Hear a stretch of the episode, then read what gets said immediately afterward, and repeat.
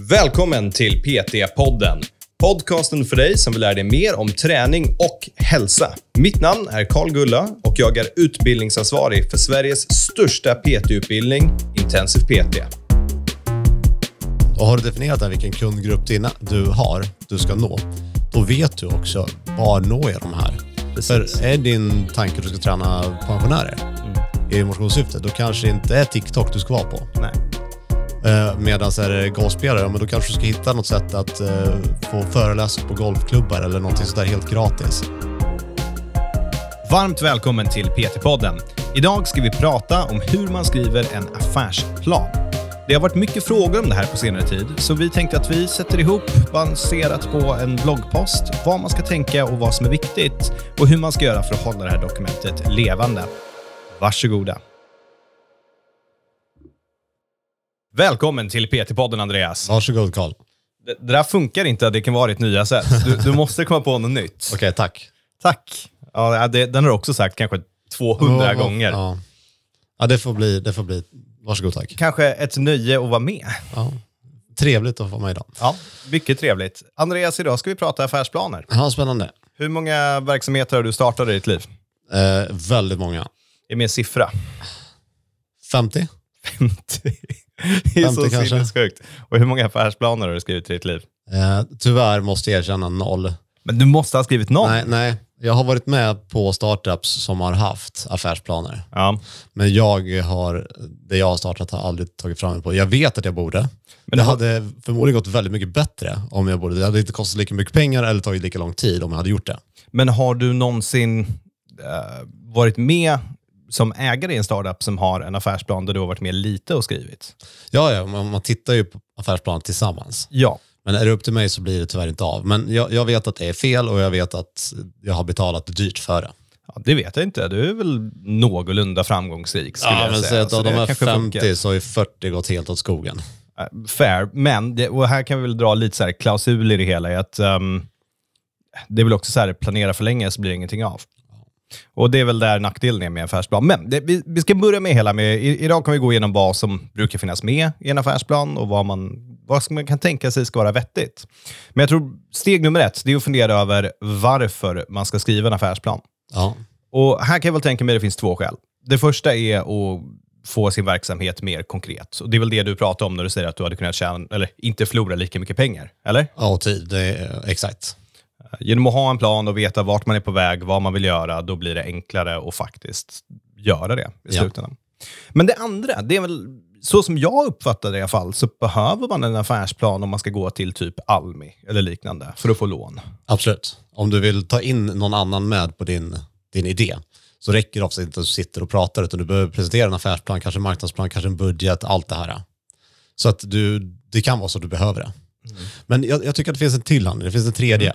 Och det är att om jag ska starta en egen verksamhet och eh, det, det är så mycket så det är svårt att känna var börjar jag, i vilken ände ska jag börja?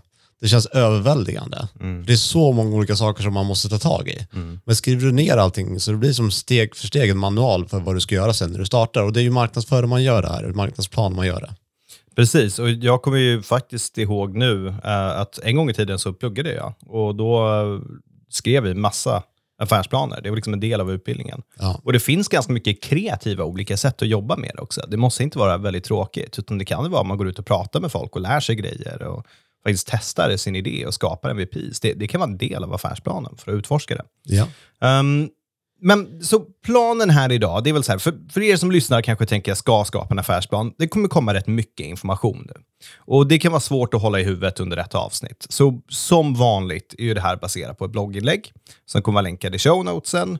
Så det jag tycker du ska göra det är att lyssna på det här och sen efteråt klicka in på blogginlägget och läsa igenom de här sakerna i lugn och ro också, när du börjar kopiera. För det vi kommer göra det är att gå igenom huvudrubrikerna och prata om vad vi tycker är viktigt vid de här olika punkterna. Vad som är viktigt att tänka på, vilka fallgropar som finns eventuellt.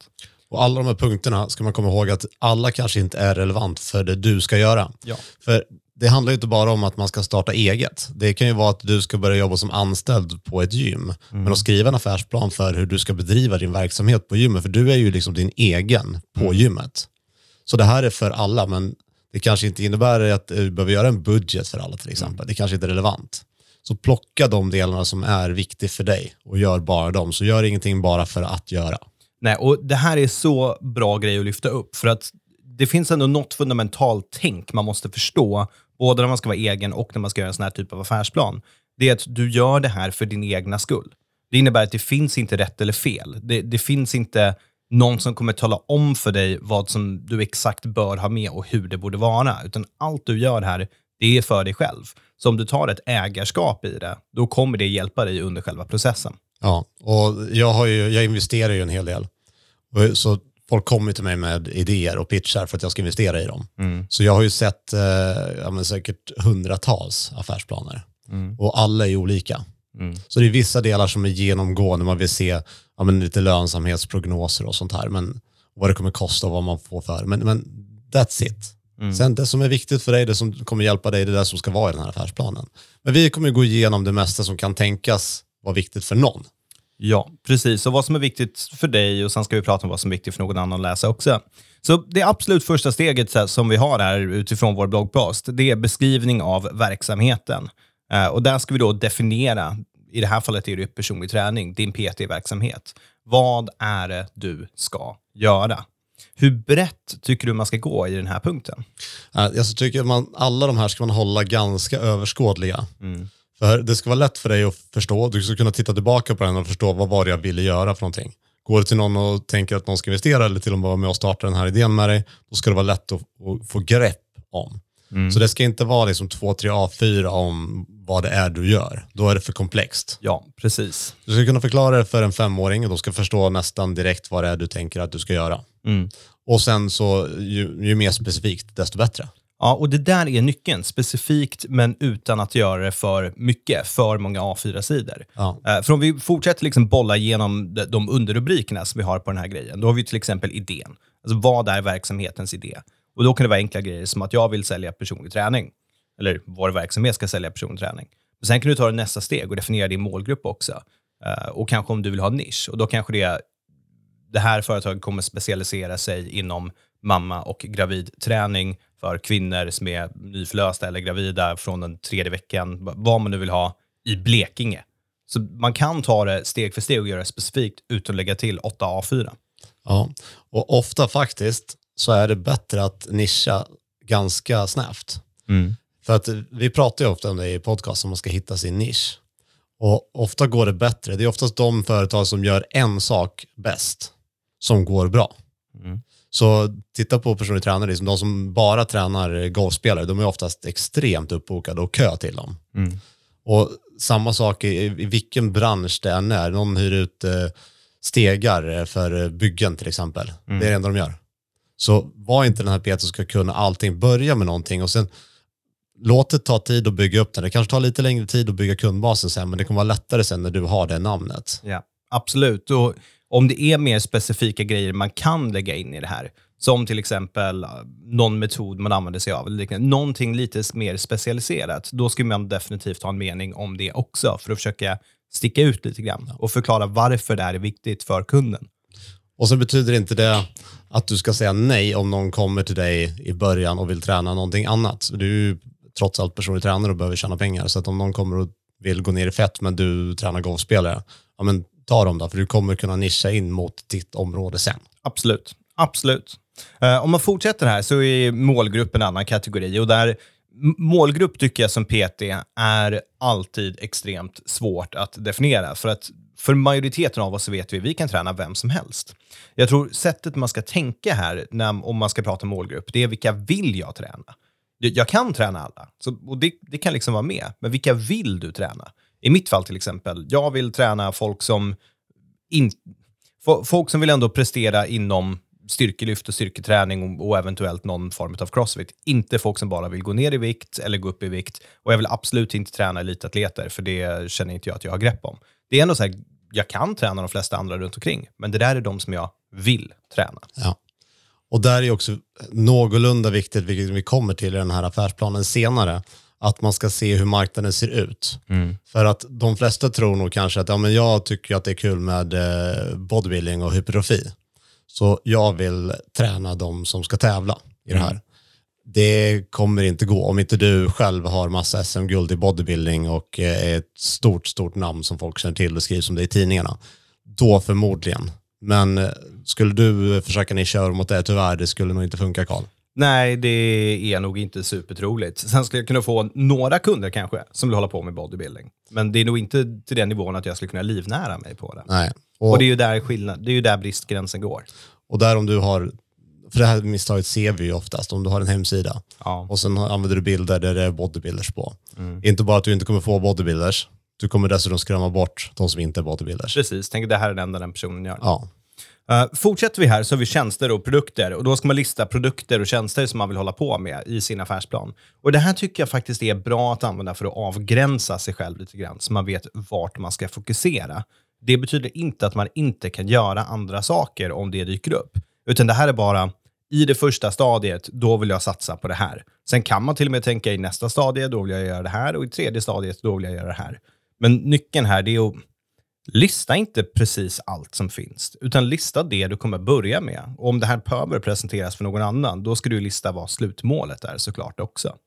Ja, här kan jag tycka att det är bra att hålla det brett. Så att, eh, PT på plats, PT online, eh, bootcamps utomhus, eh, alltså den typen av indelning. Ja. Snarare än jag ska inte träna gravida personer eller jag ska bara Exakt. träna golfspelare. Exakt. Så håll liksom i, i stora drag vad du tänker dig göra. Ja, och försök att strukturera upp när du ska göra vad redan nu, så att du har en idé om vad du ska fokusera på och i vilka tidsramar.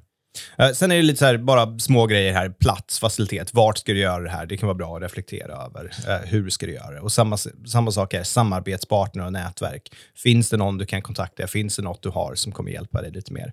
Det, det är bara bra grejer för dig att skriva ner och veta om att det finns.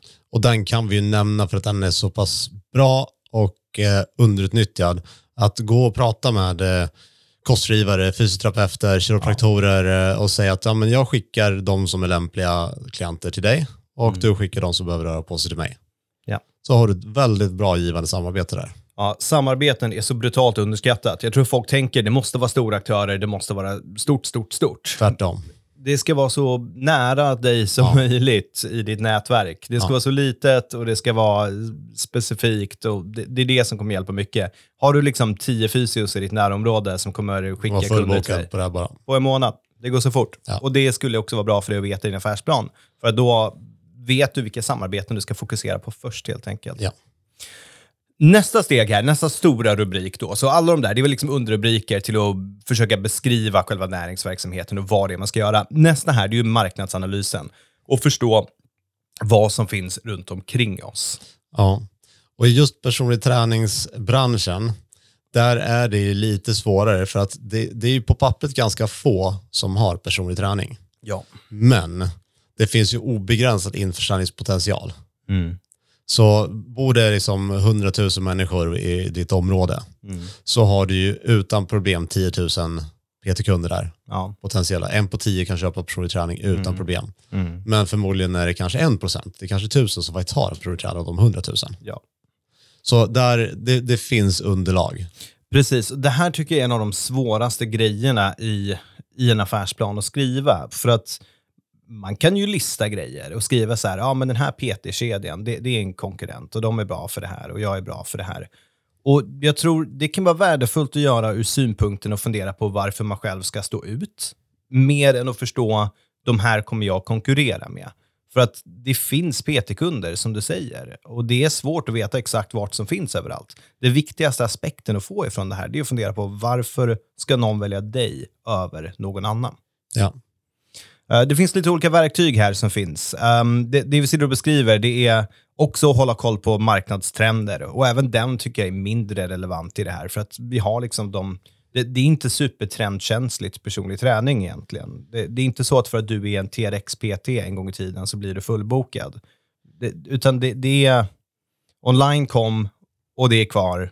Och folk vill ha PT på plats också. Det är de trenderna. Ja, och sen trenderna är oftast ganska lätt att liksom spana in. För helt plötsligt så är det massa träning ute i parker. Ja, men då är det där folk vill göra. Och helt plötsligt så har alla de här som är ute i parkerna en aquabag med sig. Ja. Och helt plötsligt så blir det spridning. Om du har en sån så blir det spridning på Instagram. Och, Ja. Så de är rätt lätt att hitta. Men, men om vi tar så här, varför du kommer lyckas, då kommer det vara för att du har tänkt på bra samarbetspartners och definierat vad du vill göra. Inte för att det är så här, jag skaffar nu aquabags till min utomhusträning och marknadsför till aquabags vi gör. Det är liksom inte där det kommer brista riktigt. Uh, en annan grej som är svår här, det är kundbehov och efterfrågan. Och, och det är väl någonting man kan försöka bearbeta lite grann. Um, no, ett verktyg som jag tycker är bra, det är SWOT-analysen som finns. Ja, den kommer vi till sen va? Ja, den är faktiskt nu. Redan nu? Ja, den är redan nu. Det går fort i... Ja, du är snabb på det här. Ja, men det är, många, det är väldigt många punkter vi har att gå igenom ja. och mycket står här, så jag vill prata om de sakerna som jag tror är mest relevant för folk att höra om. Ja. Har du gjort en SWOT-analys någon gång? Jag vet vad det är. Strength, weakness, opportunities och threats står det för. Ja. Och Det är liksom ett rutnät som man ska göra. Googla SWOT-analys så ser du en bild på hur det ser ut. Ja, och så ska du fylla dem med så många som möjligt. Ja, precis. Det som är relevant. Ja, precis. För, för liksom din verksamhet, vad finns det för styrkor? Vad finns det för svagheter? Vad finns det för möjligheter som du har? Och vad finns det för hot?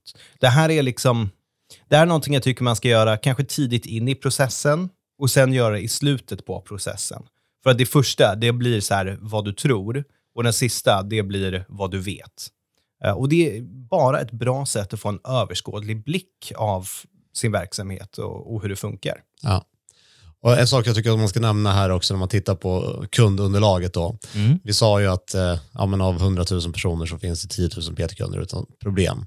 Sen är det ju där det är relevant för dig, så du vet att det finns ett underlag för att, för att försörja som provtränare. Men sen om du vill nischa dig mot någonting, det är där du behöver lite mer djupdyka. Hur många av de här spelar golf? Ja. Och där behöver du faktiskt kolla upp lite grann om du vill nischa dig hårt. Ja, och sen kommer vi till nästa, vilket är marknadsföring och försäljningsstrategi. Uh, och den blir ju då allt mer viktig. Men är det någonting mer du vill lägga till på just den här marknadsanalysen, omvärldsanalysen? Nej, alltså det kommer väl säkert bli ett, eh, ett specifikt blogginlägg om marknadsanalys också. Mm. Så då tar vi det då. Okej. Okay. Det här var en översiktsbild. Ja men där, där har liksom lite hur man ska tänka. För att det där är att definiera vilka kunder man vill ha i stort sett. Uh, och lite så här, finns det underlag eller inte? Nästa steg är ju den som är förmodligen den absolut viktigaste, tror jag, i, i affärsplanen för personliga tränare. Och det är marknadsföring och försäljningsstrategi. Ja. Och det är nog sant för alla verksamheter, att du kan ha en hur bra idé som helst och veta att det finns kunder. Men når du inte ut till dem, då kommer du inte sälja något. Ja, och det här kan ju vara det vi har pratat mest om i bloggen och på podden. Ja, definitivt. Så den behöver vi kanske inte gå jättedjupt in på, men du ska ju hitta det som passar dig. Ja, precis. Och, och jag tror det kan gå tillbaka till samarbeten här. Vi, vi har ju så många poddavsnitt i linje med det här. Liksom hur du får PT-kunder utan att göra reklam. Hur du håller konsultationer, hur du får in konsultationer. Det är ja. alltså hur mycket som helst. Det, det är löjliga mängder. Um, och sen har vi en säljutbildning som man kan göra en plugin för nu, www.ptsälj.se, där man kan lära sig ännu mer om det. Men om vi tar och bara pratar om den här lite, lite brett då, så handlar det i slutändan att fundera på hur du ska nå ut till de här olika kunderna som finns. Det, det är det absolut viktigaste. Ja, och har du definierat här vilken kundgrupp dina, du har, du ska mm. nå, då vet du också var når jag de här? Precis. För är din tanke att du ska träna pensionärer mm. i motionssyfte, då kanske det inte är TikTok du ska vara på. Nej. Eh, Medan är det golfspelare, men då kanske du ska hitta något sätt att uh, få föreläsa på golfklubbar eller något ja. sådär helt gratis. Och jag tycker här, folk är så alldeles för snabba på att bara gå in på, ja, men jag lägger upp grejer på Instagram. Ja, jag skaffar en Instagram-kanal. Ja, och det är så här, ja, gör det. Och det är väl super, men det är inte det som kommer få det att funka eller inte om inte du redan har 10 000 följare. Då, då kanske du får 10 kunder, liksom, eller 100 kunder. Men här, fundera istället så här, okej, okay, vi, vi har golfspelare som jag vill lisha in mig mot. Vart är närmaste golfklubb? Vad kan jag göra där? Det är sådana grejer du ska sitta och fundera på i, ja. i det här stadiet. Och så känna till alla alternativ du har. Alltså, du behöver ju heller inte vara att det kostar dig tid. Du kan ju välja att det kostar dig pengar. Ja. Du kan ju köpa dig högst upp på Google till exempel. Ja. Och väljer du en specifik nisch så kanske inte någon annan som budar på de sökorden. Mm. Och helt plötsligt så köper du jättebillig trafik. Där har jag av andra skäl börjat kolla runt och leta instruktörer inom olika idrotter. Och det där är, alltså, det finns inte. Det, det, är helt sjukt hur ostrukturerat det ja. är. Jag tror att det är väldigt, väldigt enkelt att göra big waves eh, om man vill vara PT för en specifik oh, idrott ja. i sådana fall. Om vi fortsätter med den här så har man även försäljningsstrategi. Alltså inte och den tycker jag är värd att prata om. För att det, det är en sak att vara hur ska vi nå ut till alla de här människorna. Den andra är hur ska jag väl få dem att sen skriva under ett papper.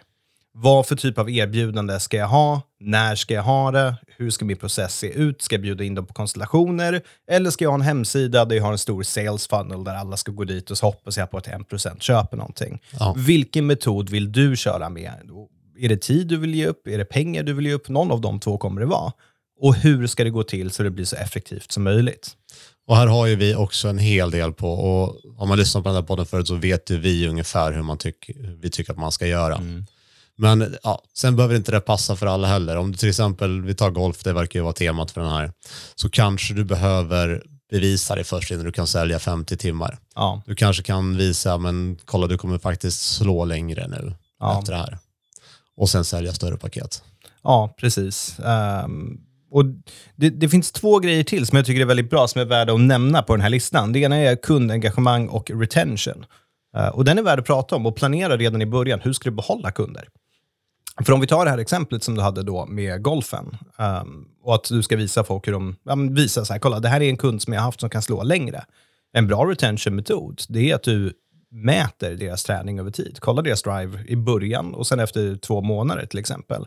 Det där filmar du och lägger upp på sociala medier. Det är ju både marknadsföring och retention för att din kund får se sin mätbara skillnad i vad de har gjort. Ja, och vad, vad man än gör så går det att mäta. Ja, Alltså, och dra analys på, ta, om vi tar golfen nu igen då, att en person vet ungefär hur långt de slår, de slår och slår på, på ranchen. Så det, det är ganska lätt att mäta. Man kan också se i någon persons spel om det går bättre i början men det går sämre i slutet. Det skulle kunna vara så enkelt som att de börjar bli trötta, de orkar inte slå igenom slagen på slutet. Så att bara att ditt kardioarbete med dem hjälper deras golf. Jag spelade ju lite golf för några år sedan och så var det ju exakt så. Ehm, och då upptäckte jag, jag blev retad, för det, det var ju icke-träningsmänniskor som jag körde med. När jag här, hörni, ska vi typ stanna och äta någonting fem minuter efter vi har kört liksom nio hål? De bara, nej, vad fan, det är ju töntigt. Jag är ju helt förstörd i slutet. Ja. Enkla små grejer som gör skillnad. Ja. Typ drick vatten när du är ute och kör. Hur som, själva poängen här är att det där är svåra grejer, retention, och fundera på det när du väl är igång och har massa kunder. Det är mycket lättare att fundera på det nu. Hur ska jag göra för att behålla de här kunderna? Och hur ska jag göra för att visa för världen att de kunderna jag har är världens bästa med min hjälp? Den sista här tycker jag också är bra. Utvärdering. Hur ska jag fundera på att jag faktiskt har lyckats uppnå de här målen? Eller inte?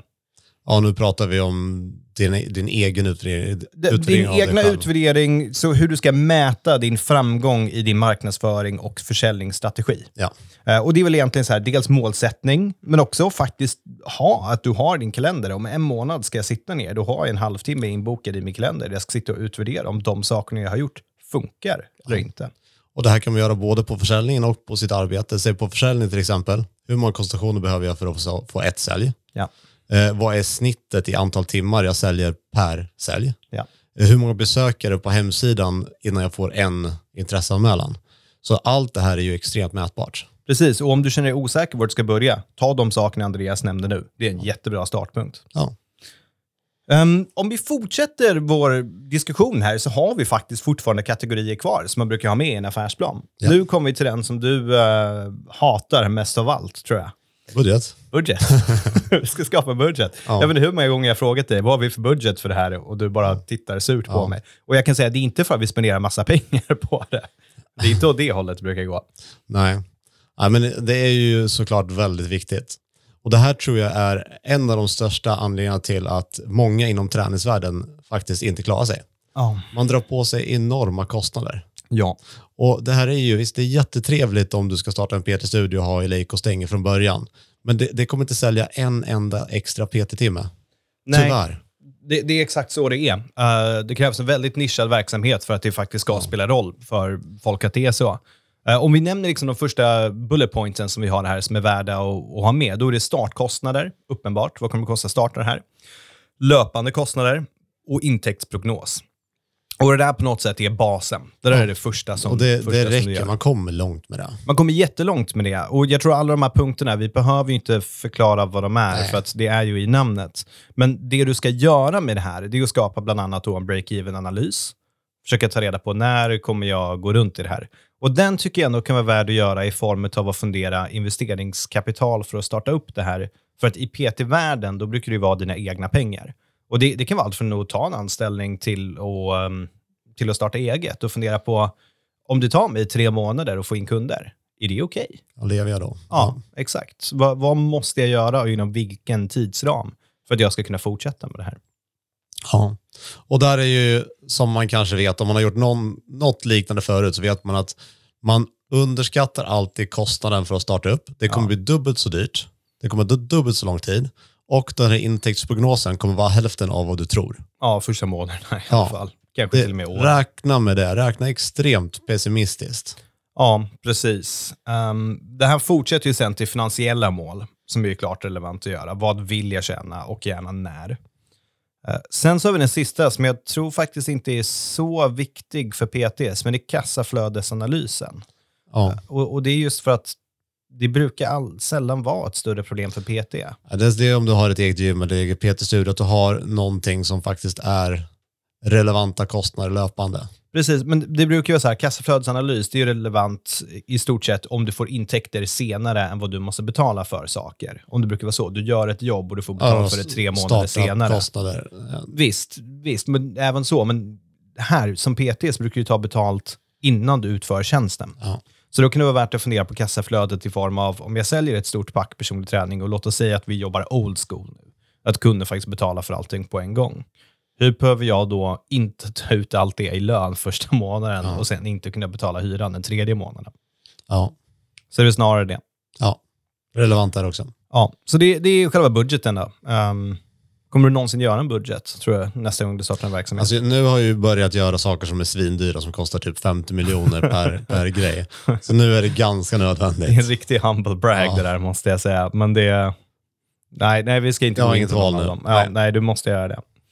Eh, du, vi börjar närma oss slutet på det här. Ehm, jag tycker att den här är bra. Det är en riskanalys. Ja, Fundera på vad som kan gå fel. ja.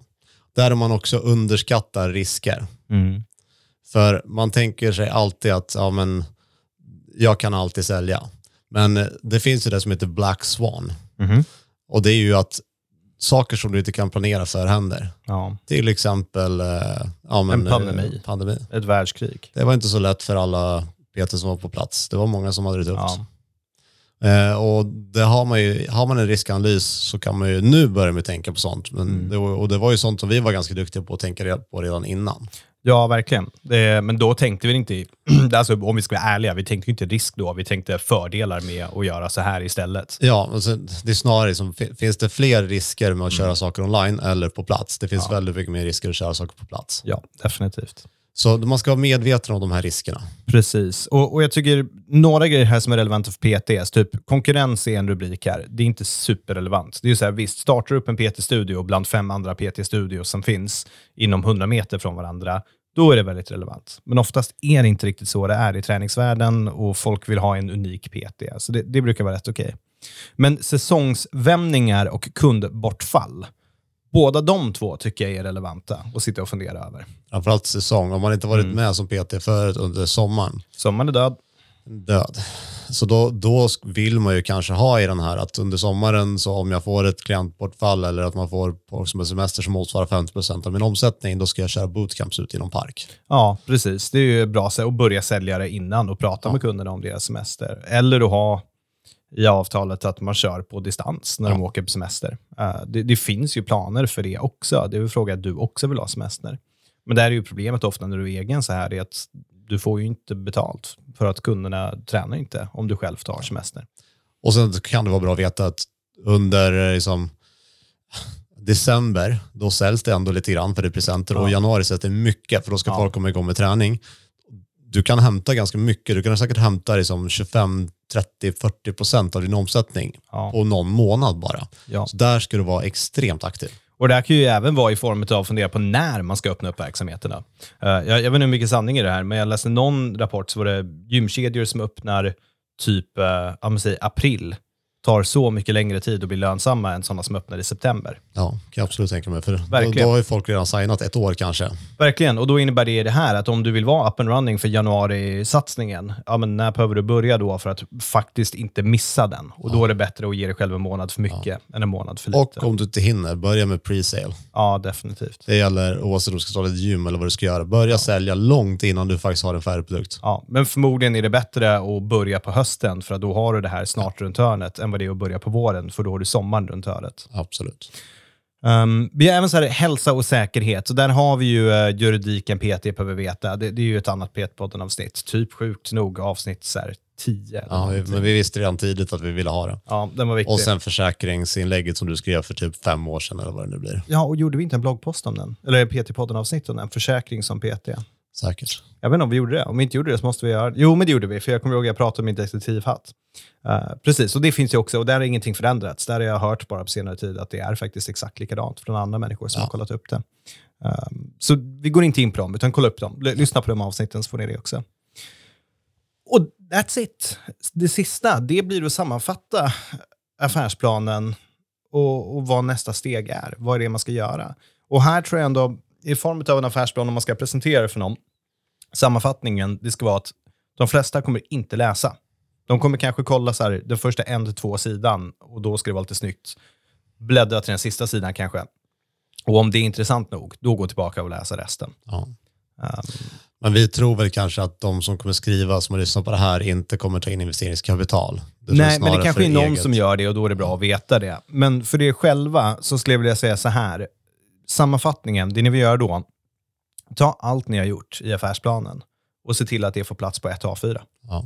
Och det är den du använder som din guide Ja. som ska hjälpa dig framåt. Och eh, här kan vi också lägga in ett tips som har kommit upp många gånger i den här podcasten. Om du ska göra den här planen, Canva. Ja, Hitta en mall i Canva, för att det som är genomgående av de som jag har läst i investeringssyfte är att de är sjukt snygga. ja, de är påkostade som fan. Om du nu ska söka investeringskapital, om du inte ska göra det, då funkar Word jättebra. Men det är rätt nice att sitta och skriva det här Ja, i någonting Canva som ser lite snyggt ut. Canva Canva, är är, super, men om jag ska också vara lite ärlig för dig som på något sätt inte kan tech längre, så allt ifrån PowerPoint till Word till kanske inte ditt favoritverktyg Notepad och Paint Paint. har, eh, har såna här mallar också. Ja. Eh, och Canva är faktiskt inte superanvändarvänligt att skriva i, men det är snyggt. Så det finns lite överallt. Så googla liksom affärsplan, mall och sen det programmet ska skriva. Och det här kommer ta dig några timmar. That's it. Det är, Ja. det är inte 20 timmars arbete det här. Nej, det är verkligen inte det. Och sen det sista tipset jag har i det hela, det är att komma ihåg att det, det här är ett levande dokument. Det här är inte någonting du skriver en gång och sen måste du göra så här. Utan det här är någonting som kan förändras över tid, hela tiden, när du får tankar och idéer som du vill göra. Så våga gå tillbaka och uppdatera den i sådana fall. Och känn inte att du måste ha den här 100% spikad innan du drar igång. För att återigen, det är ett levande dokument. Det finns saker du inte vet om kommer ske. Så kör. Ja. Bra sammanfattat. Ja. Hörru, tack för att du var med. Vi nöjer oss där. Bra. Ha det bra alla.